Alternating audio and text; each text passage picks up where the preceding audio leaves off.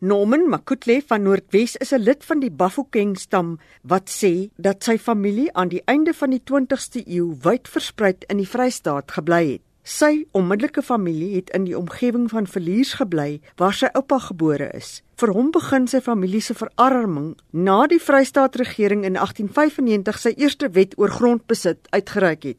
And as a result, we took a preemptive action by looking for land in the Transvaal, which at that time had not prepared for it. Because we were in close proximity to Heidelberg, uh, we, we registered our, our bond there. But we found land 45 kilometers north of Ventersdorp. Die grond is in 1912 geregistreer sê Makutle, spesifiek 7 maande voor die swart grondwet van 1913. Die wet het slegs 7% vrugbare grond aan swartes in Suid-Afrika gebied. Die grond in Ventersdorp het gekom met sy eie uitdagings vir die Makutles. Villiers was particularly a very favorable place because it lies on the South African water system. So we used to immigrate across the river to look for uh, pastures. In Villiers in the olden days, there was actually a water system, furrows that were dug to irrigate our lands. But, you know, subsequently we lost all of that. And having gone to Fendersdorp beyond 1913, we were restricted to a portion that we had bought before 1913. We could no longer be able to buy some more land. Hy sê die gevolg was dat die vee verkoop moes word omdat daar nie genoeg grond was nie. And even if we made sufficient money, you, you still could not buy more land. This is not just unique to the community of Hamotlatla. It was the situation that affected a lot of people. It's like Butabelo, uh, which was called Petfontein at the time, the people of Bapukeng, the people of Muruleng, who were later incorporated into Putatswana, and a whole lot of other communities which were in the area between Koster, Ventersdorp, Colini, and Lichtenberg.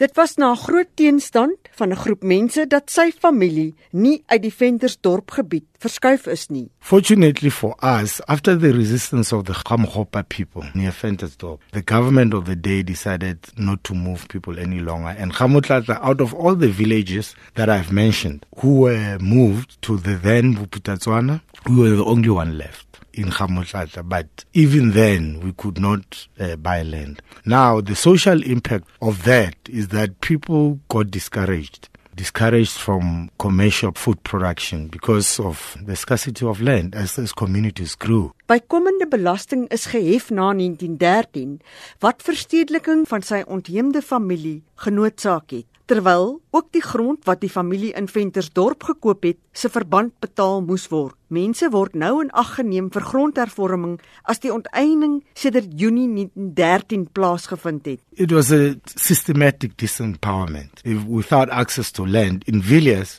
in those days, there were no fences. It was semi-nomadic life. You relocated to a place where you can find water and you can find place to graze your cattle. And immediately the seasons change, then you, you move back. Uh, but it was in close proximity to each other. Makutle sê die tydperk om te kan kwalifiseer vir grondhervorming moet verleng word tot voor 1913. When I talk about systematic disempowerment, I mean once you lose your cattle, you, you, you stop learning how to adapt to new methods of farming. You end up having to either go to school and learn other than becoming productive.